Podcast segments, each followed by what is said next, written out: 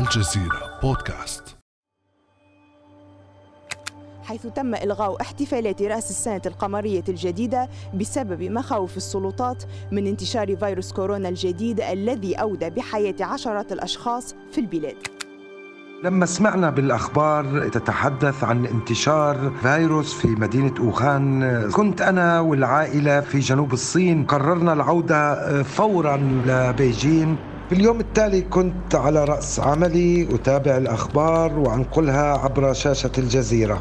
أكثر التعقيدات اللي كانت تواجهنا هو التضارب في الأنباء حول الأوضاع بين الأخبار اللي بتنقلها وسائل الإعلام المحلية واللي أيضا تحكي فيها بعض وسائل الإعلام الغربية. بقينا نتابع ونحاول أن نخرج بأخبار متوازنة قدر المستطاع.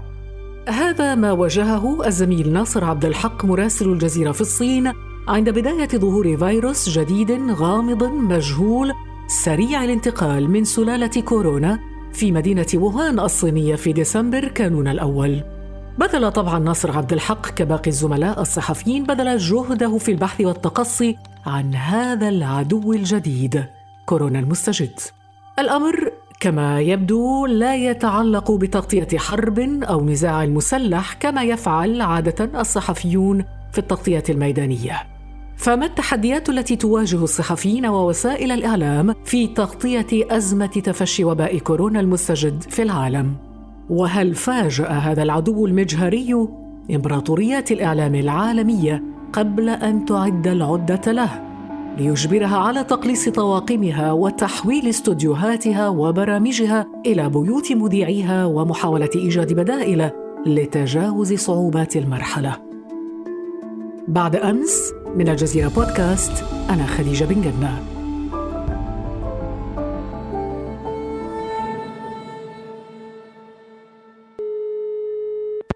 ينضم إلينا الزميل عاصف حميدي مدير غرفة الأخبار في قناة الجزيرة. أهلا وسهلا بك أبا بشار. أهلا بك أهلا بك أختي خديجة الله يسلمك.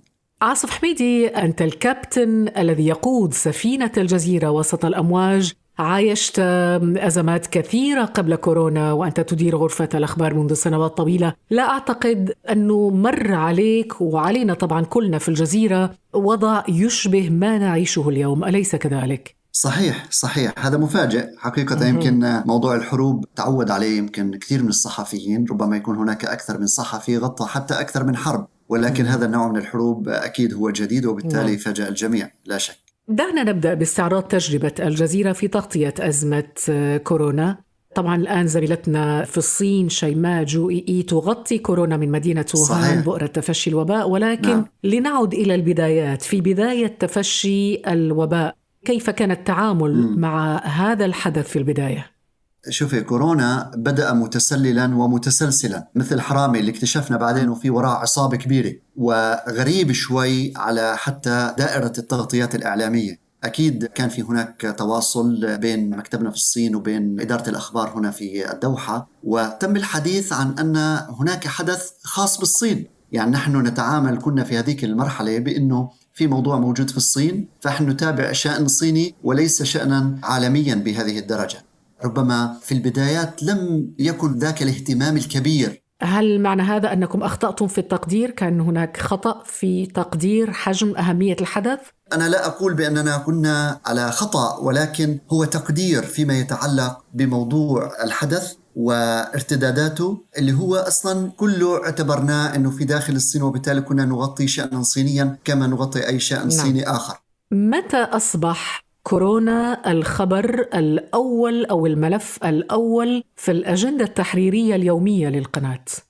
لا هو من لحظة الانتشار حقيقة حتى خارج الصين وحتى قبل ذلك عندما تفاقمت الأمور في الصين حدث نوع من التنبؤ فيما يتعلق بموضوع إمكانية الانتشار. ولكن بالتأكيد لم نكن في البدايات نتوقع كل هذا الانتشار الكبير. طبعا هو جانب منه أيضا ايمانا بالقدرات العلمية والقدرات التكنولوجية والقدرات الطبية، فهذا في جانب ربما كان في نوع من الاتكاء والثقة في الجانب العلمي والطبي. وأيضا تعرفي عندنا مرات حذر كبير بكون في عندنا إحنا في الإعلام إنه إحنا نكون في نقطة وسطى لا نستطيع أن نحدث حالة من الرعب والإرباك للمشاهد والجمهور وفي نفس الوقت لا نستطيع أن نغض الطرف عن هذا الخبر أو ذاك. طب في هذه الحالة ما المعايير التي تحدد أولوية ترتيب الخبر في مثل هذه الظروف؟ يعني الحدث نفسه أصبح ضخما أصبح الشغل الشاغل للناس يتعلق الأمر بحياتهم. يعني كل يوم إحنا نسمع عن ازدياد في الإصابات والوفيات سواء كان في الصين أو حتى خارج الصين. ولكن مثل ما ذكرت في البداية إنه كان في هناك حذر حقيقي من إنه نزيد هذه الجرعة الإعلامية الكبيرة خوفا من أن نصل إلى شيء من التهويل ربما والتخويف. نعم والتهويل نعم. خاصة وإنه حتى بالبدايات وحتى هذه اللحظة إلى حد ما ليست هناك معلومات كافية حول هذا الفيروس وحول ما يتعلق به. آه، يعني كان التركيز على ماذا تحديدا؟ على الخبر كخبر كأعداد الإصابات أعداد الوفيات؟ أم للتحليل أم للقصص الإنسانية مثلا؟ هو من اللحظة الأولى لبداية يعني توسع تغطيتنا كان في هناك أكثر من مستوى للتغطية المستوى الأول هو مستوى المعلومة يعني أن نقدم للمشاهد معلومة بعد تمحيصها وبعد غربلتها وبعد التأكد والتمييز بين الخبر وبين الإشاعة لأنه في هذا الموضوع كثرة الإشاعات وكثرة المعلومات المغلوطة فهذا مستوى المعلومة. المستوى الثاني هو مستوى الحالات. يعني نقدم الحالات من الجهتين الجهة السوداء والجهة البيضاء إنجاز التعبير. بمعنى إن كانت هناك فعلا في أرقام تتصاعد نقول هناك أرقام تتصاعد هناك وفيات. ولكن في المقابل إن كان في حديث عن تعافي نتحدث عنه بالعكس حتى نركز عليه من أجل أن نحدث هذا النوع من التوازن، إن كان في هناك بارقة أمل من أجل أن تكون هناك علاجات أو لقاحات معينة لهذا الفيروس أيضا قمنا بذلك. وهذا ملاحظ في الفترة الأخيرة التركيز على إيجاد نوافذ أمل ربما، شاهدنا أيضا نشرة الثامنه نشرتنا مقاطع وفيديوهات نعم. لاناس يغنون يرقصون على شرفات صحيح. شققهم، أفراد من الشرطة يعزفون موسيقى، يغنون في الشوارع امام وكاظم الساهر. نعم صحيح لا صحيح. لكن كيف أمكن التغلب على إجراءات التضييق من طرف السلطات الصينية؟ يعني المعروفة بأنها دولة تضيق كثيرا على الحريات الإعلامية. حقيقة الزملاء هناك ما قصروا في هذا الجانب وحاولنا الاعتماد على أكثر من مصدر حتى المصادر الأخرى التي تنتقد كنا نقدمها بحيث أن يكون في هناك نوع من التوازن، نحن لم نتبنى في يوم من الأيام أي رواية، ولكن أنا لا أستطيع أن أغض الطرف عن رواية هذه الحكومة أو تلك سواء كانت الصين أو غيرها. إحنا كإعلاميين نبذل كل جهد من أجل أن نصل إلى الحقيقة. إذا شكينا في أن هذه الحقيقة ليست كاملة نسعى لأن نتعرف على وجهات نظر ربما تكون ناقدة أو تطرح التساؤلات التي تقول بأن هذه الدولة أو هذه الجهة ربما لم تفصح عن الحقيقة. مثلا كان في هناك تقرير في بلومبرغ يتحدث أنه الاستخبارات الأمريكية لديها تقرير يتحدث أنه الصين مثلا أخفت بعض الأرقام الحقيقية عن الإصابات. قدمنا ذلك التقرير ولكن لم نتبنى لا ذلك التقرير ولم نتبنى أيضا الرواية الصينية الرسمية. طيب في هذه الحالة ما المطلوب من الإعلام؟ هل المطلوب من الإعلام أن يخبر الناس بما يجري أم أن يراعي نفسيات الناس؟ نحن أمام وباء فتاك خطير، هل مهمة الإعلام أيضا أن يرفع من معنويات الناس ببث قصص تفاؤل وقصص إيجابية أم ماذا؟ نعم، هلا مفهوم رفع المعنويات ربما يعني يختلف من وسيلة إعلام إلى أخرى أو من مفهوم إلى آخر، وهذا أيضا بحذر لأنه يجب أن نوازن ما بين رفع المعنويات الحقيقية وأيضا بين بيع الوهم، يجب أن يكون في هناك تمييز واضح بينهما. نحن نسلط الأضواء على نماذج معينة وأنا دائما أقول نحن لا نريد أن نصطاد للناس السمك نحن نريد أن نسلط الضوء على حالات صيد ناجحة. طيب عصف حميدي نحن أمام حالة موجودة في الإعلام العربي والعالمي. الإعلام الذي يحاول أن يقلل من خطورة الفيروس أحيانا يحاول إنكار وجود الفيروس أحيانا يحاول تسييس الفيروس ما تقييمك لهذا الإعلام؟ شوف أنا يمكن بقول دائما أنه من ميزة يمكن هذا الفيروس أنه وحد إلى حد ما النوايا بين قوسين الحسنة من قبل الإعلام لمواجهة هذا الفيروس ومواجهة هذا التحدي الكبير. يمكن لأول مرة ربما لو كانت الحرب بين دولة ودولة أكيد راح تكون في هناك حالة من الاستقطاب والانحياز ربما من هنا وهناك من بعض وسائل الإعلام غير المهنية. ولكن أنا أرى حتى الإعلام غير المهني أعتقد بأن هذا الفيروس هو تحدي كبير حتى للإعلام نفسه. لا لأسرته لأبنائه. وبالتالي هو جيش كل الإعلاميين من أجل هذا الموضوع. ولكن في اجتهادات. هذه الاجتهادات بعضها خاطئ. نعم في بعضها خاطئ. هناك شوائب تسييس. نعم حصلت. ولكن أنا أقول إنه يمكن بالحد الأقصى من الإجماع قد حدث. من قبل وسائل الاعلام مجتمعة لمواجهة هذا الفيروس بتغطية إعلامية معقولة. نعم. ولكن هذا لا يبرئ بعض وسائل الإعلام التي لم تستند إلى الحقيقة وإلى المصداقية ولم تمحص معلوماتها ولا تغربل وتميز بين الحقيقة والخبر من ناحية وبين الإشاعة من ناحية أخرى. هذا يذكرنا بحال المواطن المصري أحمد متولي الذي حطت طائرته في مطار القاهرة حمل حقيبته على ظهره ووضع ابنته الصغيرة في عربتها الحمراء ثم نزل من الطائرة. وبمجرد دخوله الصالة شاهد أمامه مجموعة من الأشخاص. يرتدون معاطف بيضاء وكمامات ويقومون بفحص حرارة القادمين. خضع أحمد وابنته للفحص. ابتسم للكاميرا التي كانت تصوره في تلك اللحظة ثم مضى. لم يكن أحمد يعلم بأن صورته تلك ستبحر في فضاء مواقع الأخبار التي وصفته بأنه أول حالة إصابة بفيروس كورونا في مصر. وبعد أيام قليلة أطل أحمد في فيديو على الإنترنت يسخر من وسائل الإعلام المصرية التي أعلن بعضها وفاته أيضا. يعني أول حالة كورونا في مصر أنا. وتاني حالة كورونا في مصر أنا. أنا. والمصري اللي راح كندا مع الكورونا أنا. وأول حالة وفاة في مصر بسبب الكورونا أنا. البقاء لله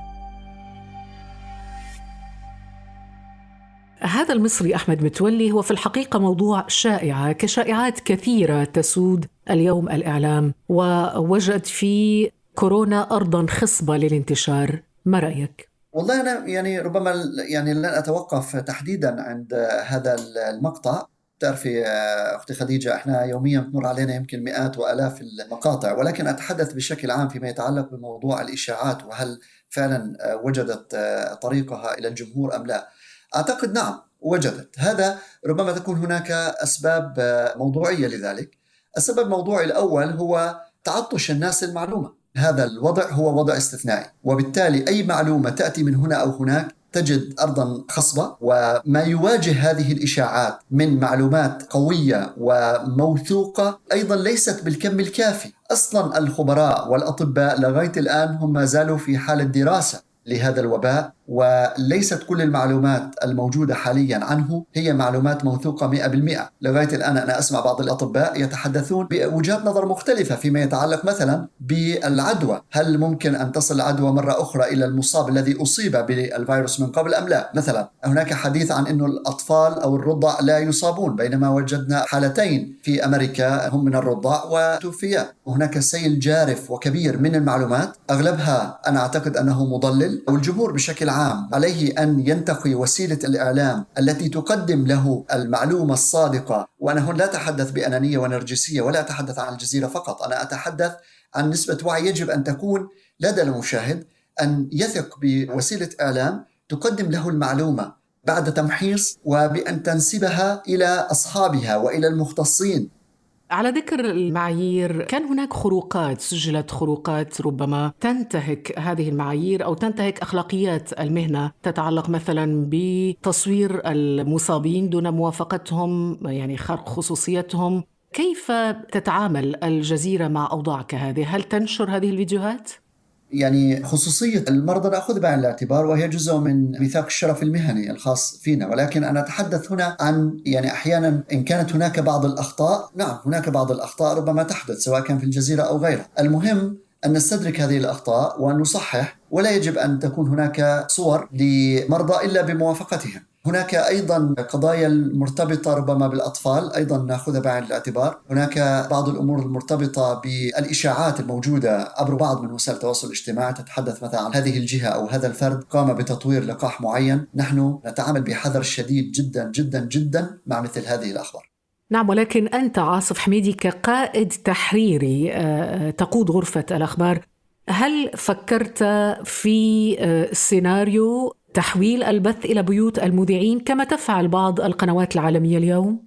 فعلا هو تحدي كبير في لقاءات تمت مع الفرق هنا في غرفة الأخبار وأيضا مع مكاتبنا الخارجية من أجل الحفاظ على سلامة الطواقم أساسا وهذا الأمر تطلب فعلا أن يكون في هناك ما تسمى الآن بسياسة التباعد الاجتماعي بحيث أن نقلل من وجود هذا العدد الكبير الذي يكون في غرف الأخبار يوميا، أيضا من أجل أن يكون في هناك سيناريوهات لا سمح الله سيئة وأسوأ، اليوم لقاءاتنا يمكن أكثر من 70% منها هو كيف ممكن إن إحنا نحافظ على سلامة الفريق و30% منها كيف ممكن أن نغطي بالشمولية اللازمة. يعني بهمة الفريق بصراحة والله يعني أنا أتحدث هون عن فريق الزميلات والزملاء في غرفة الأخبار فريقنا الكبير اللي بعتز بالعمل معه. وأيضا في الميدان في المكاتب الخارجية. إن شاء الله ما في أي تقصير. طب هل في إمكانية للوصول إلى ما فعلته بعض القنوات العالمية وهي تحويل البث مثلا إلى بيوت المذيعين؟ هذا السؤال طبعا يهمني أنا. سؤال أناني. شوفي أنا أفرق بين أنه يكون اللجوء لخيار من هذا النوع هو من أجل الاستعراض وأنه عندنا القدرات أن نعمل ذلك أو من أجل أن نحل مشكلة حقيقية واقعة. أنا في وقت لا سمح الله بدها تكون هناك مشكلة أنا أطمئنك وأطمئن الجمهور. بأنه سيناريوهاتنا جاهزة حتى من البيوت. وأنا يعني لا أفشي سرا. إن قلت انه هناك في اثنين من المذيعين الآن هم قادرين أن يبثوا للجزيرة من بيوتهم. جميل. موجودين جاهزين بكل التقنيات بكل شيء. وحولنا أجزاء من بيوتهم الله يجزيهم الخير يعني إلى استوديوهات. جميل. لكن أنا لا أريد أن أخرج من البيت من أجل والله أنا مثلي مثل القنوات الأخرى. بالأخير الجزيرة هي قناة رائدة. فالحمد لله الجزيرة تبقى يعني الجزيرة يا مرامي. في ختام الحلقة. نريد أبو بشار أن نختم هكذا بختمة تفاؤلية أو نبرة تفاؤلية طريفة. هل تحفظ ذاكرتك؟